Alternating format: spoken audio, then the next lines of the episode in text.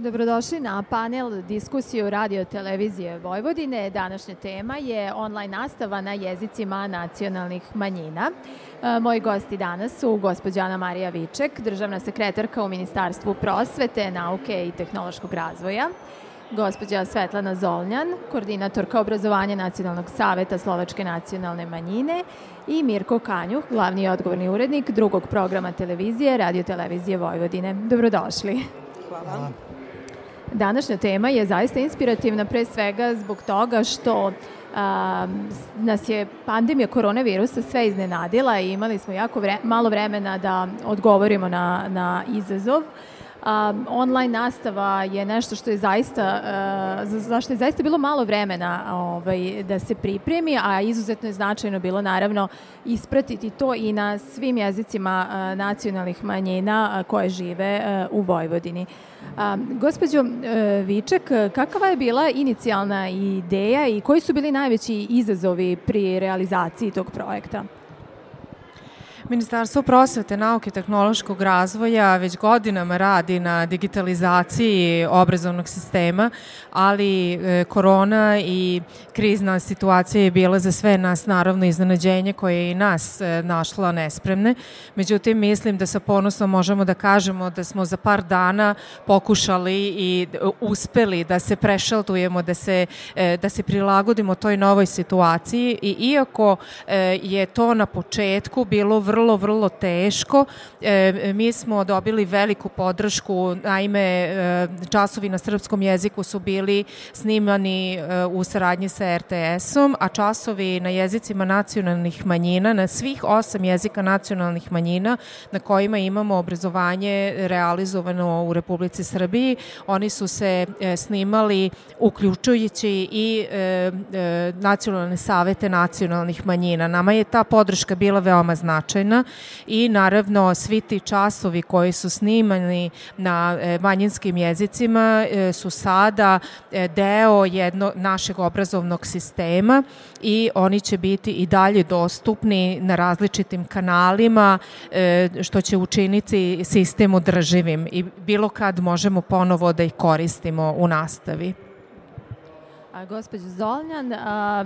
zadatak nacionalnih saveta u tom momentu nije bio nimalo a, lak. Kako je organizovan taj proces i koliko je značajno bilo u tom momentu odpočeti a, sa projektom online nastave za pripadnike a, Slovačke nacionalne zajednice?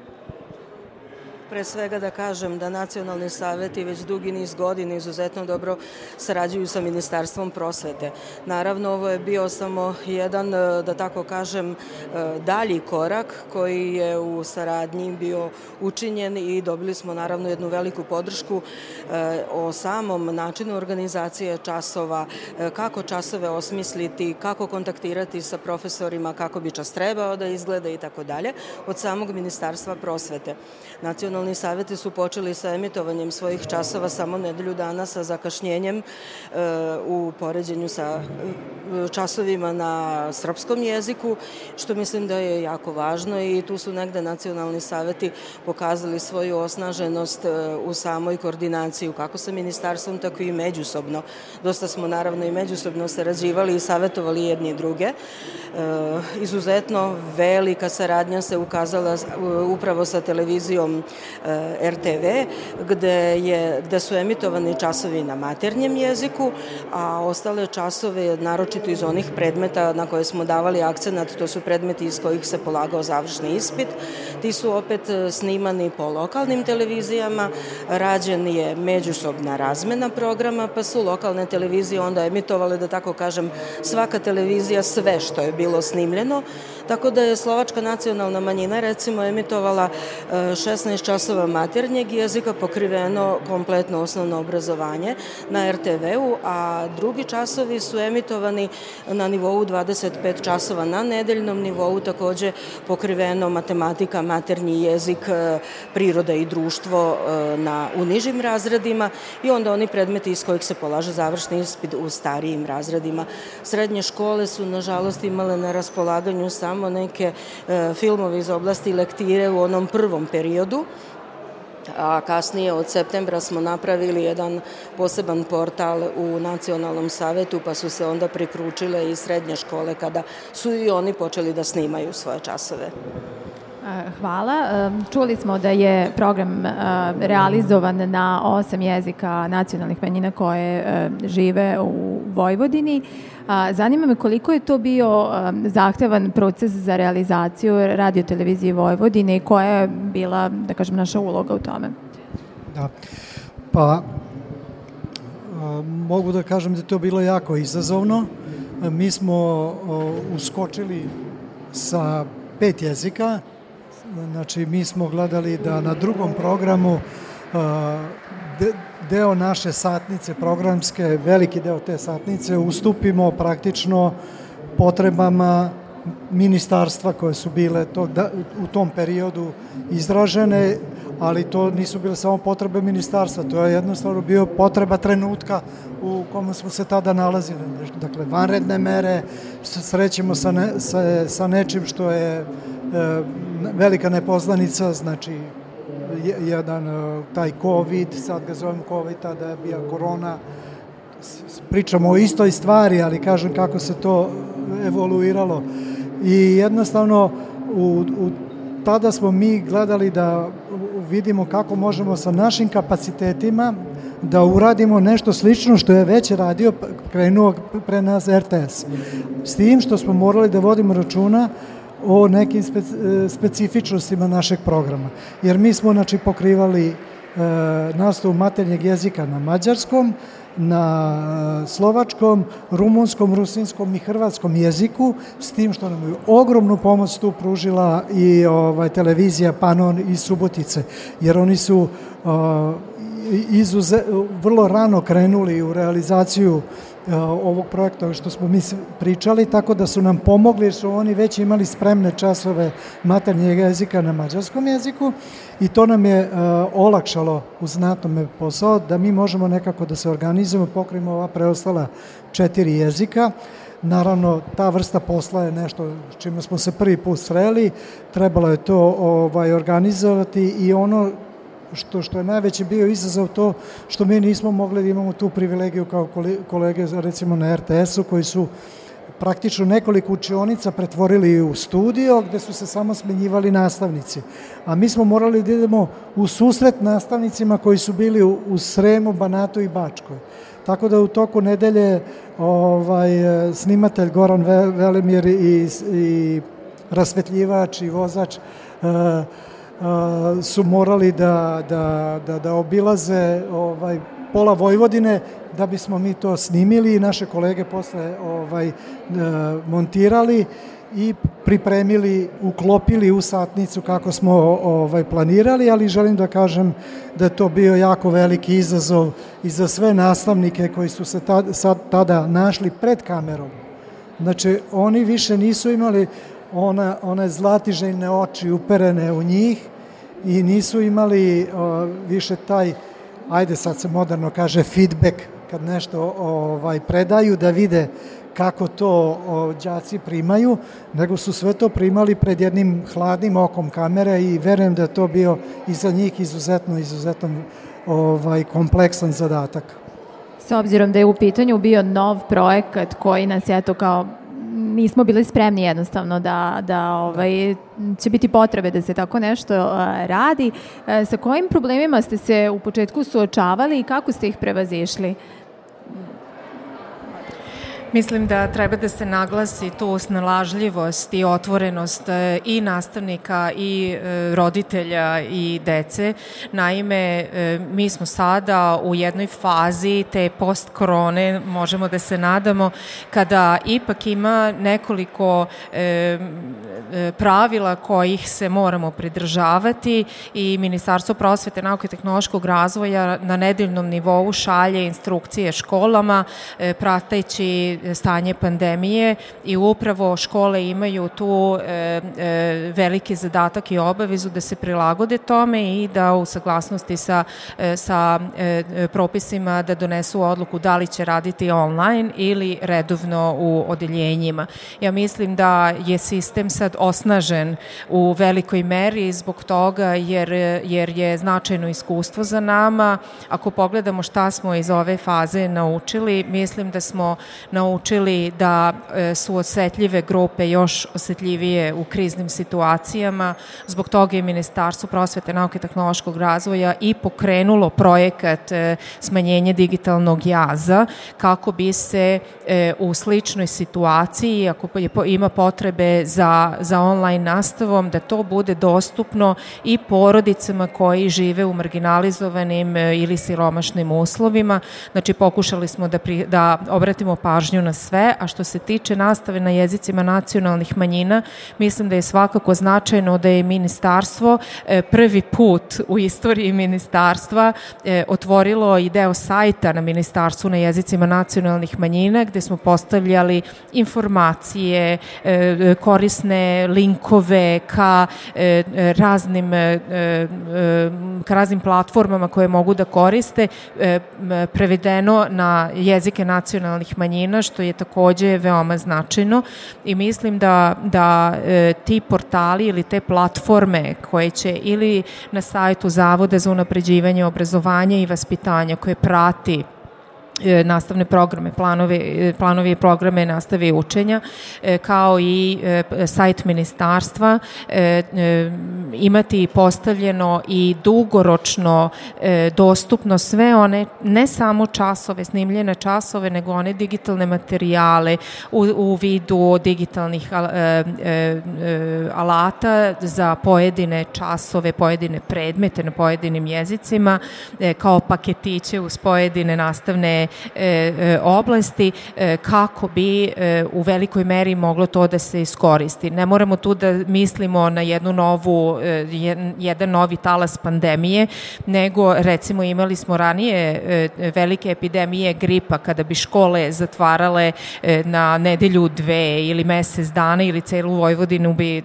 u celoj Vojvodini bi škole zatvorili na, na mesec dana ili dve nedelje. Sad to ne mora da se desi. Sad samo škole ili samo odeljenja gde ima veći broj zaražene dece, bilo da se radi o koroni, bilo da se radi o običnom takozvanom gripu, jel da može da pro, pređe na, na online nastavu i neće biti više gubljenja e, časova kao što je ranije bilo. I mislim da je to najznačajnije što smo dobili od ove veoma teške situacije. Hvala. Gospođo Zolnjan, kakva su iskustva iz prakse? Da li je postignut cilj? U kojoj meri su deca usvojila to gradivo s obzirom da je njima bio nov način e, učenja? Kakvi su rezultati, evo sada kada rezimirate taj, taj period? Naravno, neku veću analizu nacionalni savjet nije imao prilike da radi. Oslanjamo se na one analize e, koje smo dobili kada su vrednovani rezultati na završnom ispitu. E, mislim da je jako važno to što smo imali prilike da i one časove koji su emitovani na srpskom jeziku da se prevode i da se pojavljuju titlovi e, na jezicima nacionalnih manjina, jer su tako učenici mogli da se spremaju za završni ispit. Takođe je na RTV-u emitovano nekoliko časova u onom majskom periodu za učenike osmog razreda, gde je jedna profesorica praktično uzela elektronsku verziju zbirke za pripremu za završni ispit, za maturu i analizirala prosto one zadatke koje su u zbirci. Dobijala je neku povratnu informaciju od svojih učenika u elektronskoj formi, dobijala je neka pitanja na koje je onda na sledećem takozvanom času, dakle kada je snimala sledeći čas mogla ponovo da analizira ili da neku povratnu informaciju daje, tako da su učenici bili praktično spremni za maturu. Takođe je bilo rađeno jedno E, online testiranje probnog testa koji je upravo u toj elektronskoj formi rađen gde su i nacionalne manjine naravno učestvovale, nacionalni saveti ili koordinatori su tu bili e, kao jedna pomoć da se ispregleda da li je ta online varijanta spremna ispravna, da li je tačna na jeziku nacionalne manjine, da li je sve dobro prevedeno i tako dalje. E, naravno, dobili smo onda i povratne informacije o rezultatima takvih testova i mislim da smo išli u korak sa većinskim narodom, što je naravno e, obostrano zadovoljstvo i nas koji smo u organizaciji svega bili, ali i roditelja i učenika. A naravno, bilo je teško pri samoj organizaciji, zato što e, mi imamo puno manje učitelja ili profesora iz pojedinih predmeta na raspolaganju. Recimo, profesori koji predaju, na primer, hemiju na slovačkom jeziku, njih u Vojvodini ima koji rade u školama sedam ili osam. Naravno, nisu svi bili spremni da stanu pred kamere ili na bilo koji način pred neke nove programe za računare, naročito oni koji su negde već pred samu penziju, ali eto, srećom uspeli smo da nađemo one ljude koji su bili voljni da rade i koji su zaista značajan broj časova snimili. Projekat se nastavio, kao što je državna sekretarka rekla, brojni portali su na raspolaganju učenicima. Mi smo u okviru Nacionalnog saveta napravili jedan poseban portal koji je posvećen obrazovanju na daljinu. E, nastavili smo sa snimanjem časova na poziv Ministarstva prosvete ili preko Kamtasije, Zuma ili već nekih drugih programa. I ovog trenutka na portalu imamo 1340 nešto časova, naravno jako puno didaktičkog materijala raspoređen na nivo osnovne srednje škole, po predmetima, po razredima, na raspolaganju je još uvek je aktuelan, još uvek se obnavlja, dodaje, e, urađeni ili da tako kažem postavljeni su novi programi nastave i učenja koji su bili prilagođeni ovoj novoj pandemijskoj situaciji jer znamo da čas nije trajao 45 nego samo 30 minuta, dakle i tamo su te neke preporuke programa nastave i učenja kako stići do tog nekog finalnog rezultata da bi učenici mogli da usvoje onaj obim znanja koji se od njih očekuje.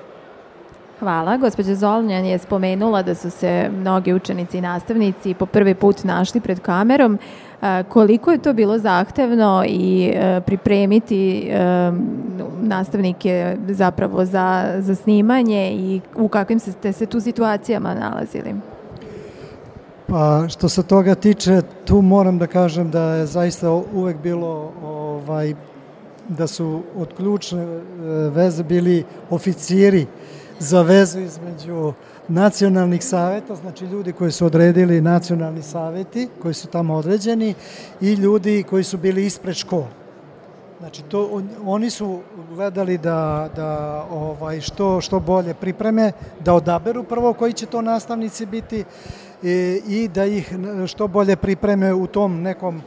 ajde da kažem, profesionalnom nastavnom smislu. Naše je bilo više, da kažem, da im damo tehničku podršku i s te strane, ja sam već pomenuo, naša ekipa je brojala š, e, samo po dva, neka tri člana i zbog mera koje su se tada sprovodile, ali i zbog toga da ne bismo sad pravili jako veliku bulumentu, da ih, da ih se ne bi ovaj, uznemiravalo, da im se ne bi skretala pažnja, da bi oni koliko toliko mogli da budu ovaj opušteni. I naravno to sad kako ko, kako je ko bio uspešan ali moram da priznam da ovaj, ni samim profesionalcima, ljude, ljudima koji rade na televiziji, ni uvek najprijatnije baš ispred, ispred kamere kad moraju da, da, da budu uh, desetak minuta, 15 minuta, a nekad treba da držite čas od 25-30 minuta i da, da razmišljate kako ćete da zadržite pažnju onima koji vas gledaju u nekim kućnim uslovima gde može sva, sve drugo da im skrene pažnju. To je vrlo, vrlo kompleksan zadatak i tu smo čuli neke brojke, ja bih isto da kažem neke brojke što kaže naša statistika, znači da smo mi, računajući ono što smo proizveli, da tako kažem, u našoj kući, znači proizveli oko 7550 minuta programa, odnosno oko 271 jedna emisija ili čas. Bile tu i još ponekih emisija koje su bili za praznik, malo prilagođeno s obzirom da je to bio tada i uskrs, ali uglavnom to je to od 23. marta kad smo krenuli, zaključno to je bio 29. maj, ja mislim baš poslednje časovi su bili na slovačkom jeziku. Znači to je ono što u okviru nastave maternjeg jezika. Ali naša kuća je radila i još nešto. Znači ona je sada se uključila u ono što možemo kažemo u najužem smislu online nastava. To znači preko YouTube-a i preko našeg weba što je emitovano. E, to smo radili uz zaista izuzetno, izuzetno razumevanje kao prvo i kao drugo ogromnu finansijsku pomoć E, pokrajinskog e, sekretarijata za obrazovanje, skraćeno ću ga nazvati. Bez te pomoći mi ne bi mogli da realizujemo, jer radilo se o tome da smo titlovali na četiri jezika emisije koleginice Konja Ja biram, znači to su bile o, pripremni časovi za polaganje male mature, plus što smo preuzimali od kolega sa RTS-a ono što su oni radili i to prevodili na četiri jezika, znači to je matematika, fizika, hemija, biologija, istorija i naravno mi imamo maternji jezik i tako da. Tako da u stvari to je bilo ovaj ono što se moglo pratiti na platformama, odnosno na YouTube-u i na našoj web platformi. Ali ono što je meni bilo ovaj interesantno to je da kao što smo se mi kao televizija, ne samo u toku tog procesa koji smo radili, nego pogotovo kasnije, kad smo se vratili da radimo u takozvanom punom kapacitetu, vratili svom izvornom programu, mi smo se onda suočili e, kao nikad do tada sa izazovima online novinarstva. Tako sam, sam video da, da su se naše kolege iz ministarstva i na, naše kolege iz o, o, nacionalnih saveta susreli sa tom online nastavom. I to je nešto što je generalno ovaj, u svoj toj nevolji nešto pozitivno, jer je na, malo nas pomerilo da malo razmišljamo o nečemu drugom, da vidimo koji su sve to potencijali nečega što smo dojuče stalno smatrali malo a dobro, to baš nije nešto mainstream, ma koliko je popularno, ali to možda baš za oficijalne neke stvari nije. Naprotiv, znači mi moramo što pre ovaj, da osvojimo taj prostor i da iskoristimo te benefite i mislim da pogotovo da je ministarstvo i da su u školama tokom tog leta nama je prestala nastava na, na, na, na jezicama, odnosno na maternjem jeziku 29. maja. Ali njima je tek počeo tada ogroman posao da se pripreme za septembar i mislim da su ga fantastično odradili. Zaista svaka čast brojke ne lažu i za vas je zaista obiman, zahtevan i veoma važan posao. Kada pogledate sada sa ove distance, kakvi su zaključci? Evo, gospođo Viček, možete vi. Ako pogledamo rezultate recimo završnog ispita ili sad ćemo ove godine videti na PISA istraživanju e, kako rezultati 15-godišnjaka izgledaju u poređenju sa onim od pre tri godine. E, mislim da, da e, opet možemo da budemo ponosni jer nije došlo do toliko velikog e, padanja ili opada e, rezultata e, što opet pokazuje jačinu sistema, obrazovnog sistema u Republici Srbiji. Naravno da postoje neke e, oblasti koje ne mogu da se urade online, recimo praktična nastava u srednjim školama je pretrpela dosta puno. E, časovi e, određenih predmeta, umetničkih predmeta naročito, kao što su likovno, muzičko, pa čak i čas odeljenskog starešine koji bi trebalo da bude naj naj, e, najvažniji u, u e, psihosocijalnom smislu ili emotivnom smislu za našu decu e, i taj kontakt između nastavnika i dece koji je e, bukvalno e, e preduslov uspešnog e, obrazovnog procesa, to nam je sve bilo manjkavo za vreme e, e te e, konkretne online nastave. I mi smo sad e, ovaj u fazi kada pokušavamo na neki način da pronađemo mehanizme kako to da se nadomesti, kako to da se nadoknadi, da se nadoknadi e, to što je propušteno i mislim da je zbog toga izuzetno važno i podizanje e, digitalnih kompetencija nastavnika kako, oni, kako bi oni mogli da održe nastavu na daljinu, ali da to bude interaktivna nastava. Znači da ne ide samo u jednom smeru, e, to je e, u, u kriznim situacijama jedno dobro rešenje i to je jedino dobro rešenje, ali u ovim situacijama e, je online nastava to što smo i mi na raznim mitinzima i Zoom sastancima i kroz razne platforme iskusili da može da bude interaktivno, da deca mogu da odgovaraju na pitanja nastavnika nastavnika, da mogu da postave pitanja nastavnika. E, znači tu je pred nama opet e, još uvek jedan dugačak put dok sistem bude e, u potpunosti spreman za to, ali mislim da, da sve što smo naučili e, iz ovoga i, e, i e, e,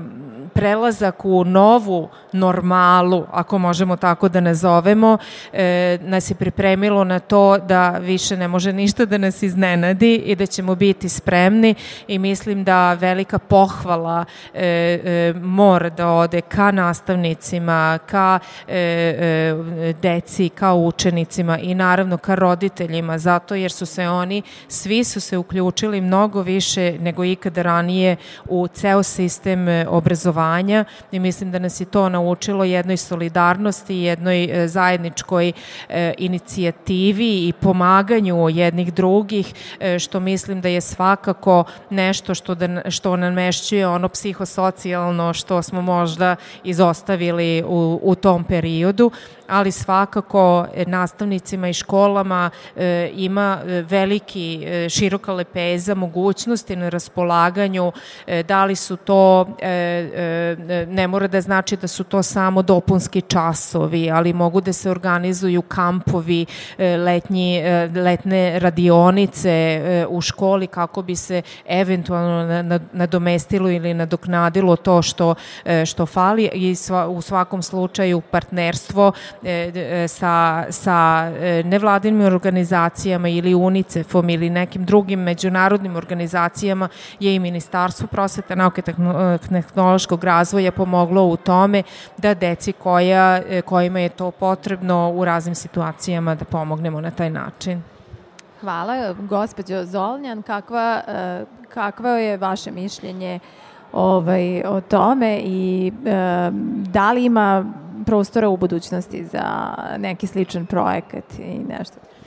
Naravno, prostora za slične projekte u budućnosti ima i već se unapred radujem, ali ne radujem se okolnostima. E, ne daj Bože da budu ponovo ovakve okolnosti pod kojima je nastao ovaj projekat. Ali ja bih ovom prilikom želela još jednom u ime svih nacionalnih saveta, nacionalnih manjina, dakle svih osam koje su učestvovale u ovoj organizaciji snimanja časova i uopšte realizacije nastave i na jezicima nacionalnih manjina da se zahvalim Ministarstvu prosvete što je e, u nacionalnim savetima prepoznalo partnere za ovakav projekat.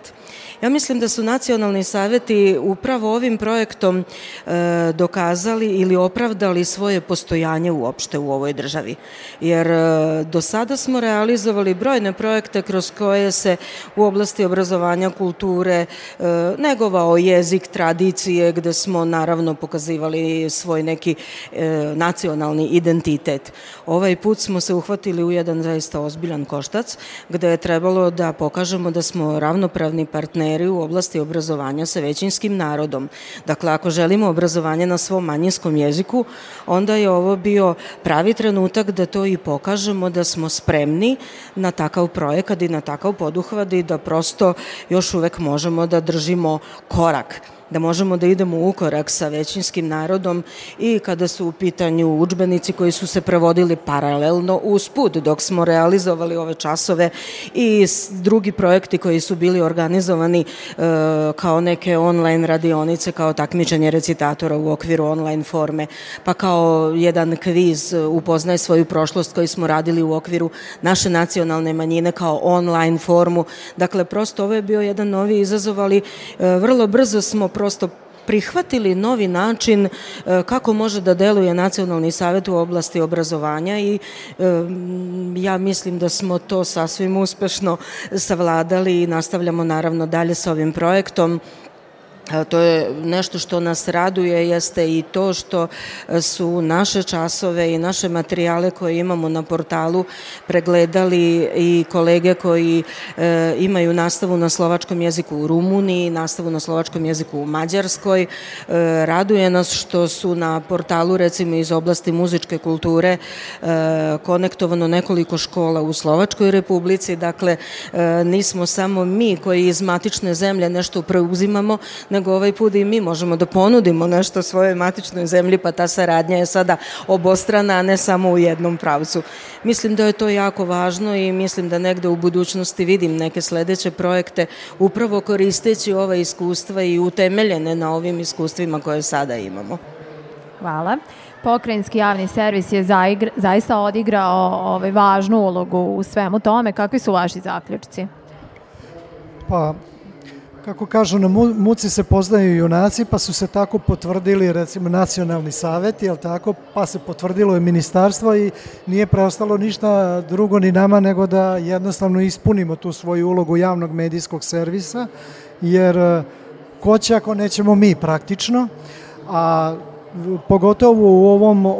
osetljivom delu e, kad pričamo o nastavi maternjeg jezika i generalno o programu na jezicima nacionalnih zajednica. Tako da nama nije preostalo ništa drugo nego zaista da se uhvatimo u taj izazov i nije bilo lako, sigurno nije bilo lako, bilo je sigurno i nekih lutanja, e, ne ponovilo se, u svakom slučaju ne zbog toga što nisam zadovoljan obavljenim poslom naprotiv, nego jednostavno e, iz istih razloga, kao što je rekla koleginica Zonjan, znači da ne budemo zbog takvih eksternih, spoljnih uzroka u takvoj situaciji ponovo. A, tako da je jednostavno e, u, kao što su, kao što su ovaj, u toj situaciji e, kao što je država zapravo, odnosno ministarstvo prepoznala pravo partnerstvo u nacionalnim savetima, tako mislim da smo se i mi prepoznali kao pravi javni medijski servis, da, da pokušamo da to ovaj, odgovorimo na svu sreću. Naravno, imali smo prostora, imali smo prostora gde slično kao naravno, apsolutno i kolege sa RTS-a, koji su još imale više prostora i mislim da su i oni zaista savršeno odradili svoj deo posla. Tako da, e, ja jesam zadovoljan s time, ali sam još zadovoljniji s time što smo mi eto odradili tu ulogu nekog bafera da znači za prvo vreme da se ne gubi vreme, da, da đaci ovaj, ne budu oštećeni za nastavu, a sa druge strane da se dobije na vremenu da se uradi ono što smo već pomenuli, da se sve to uradi i da sad mi imamo sistemski praktično rešen, uh, uh, napravljenu jednu matricu koja će nas za slične situacije uvek naći spremnom. Ali nije to samo kao neki, kao neki backup, rezervni plan, nego jednostavno ja mislim da će on postati dopuna paralelno. Videće se sada šta od, to, od toga što je rezerva može da bude dopuna redovnom obrazovnom procesu. Ali naravno to sad već uh, uh, prevazilazi moje ingerencije kao glavnog odgovornog uh, urednika drugog programa. Ovo je sad više ono čime ja mogu da budem zadovoljan kad pogledam celinu tog procesa u kojem smo učestvovali. Da, upravo tako. E, e, jako je dobra stvar što zapravo čitav proces i sve kroz šta ste prošli e, nije bilo jednokratnog karaktera. Dakle, sav taj materijal biće dostupan generacijama e, budućim. Gospodjo Viček, kako, gde, kako to sve izgleda i kakvi su planovi zapravo sa snimljenim materijalom?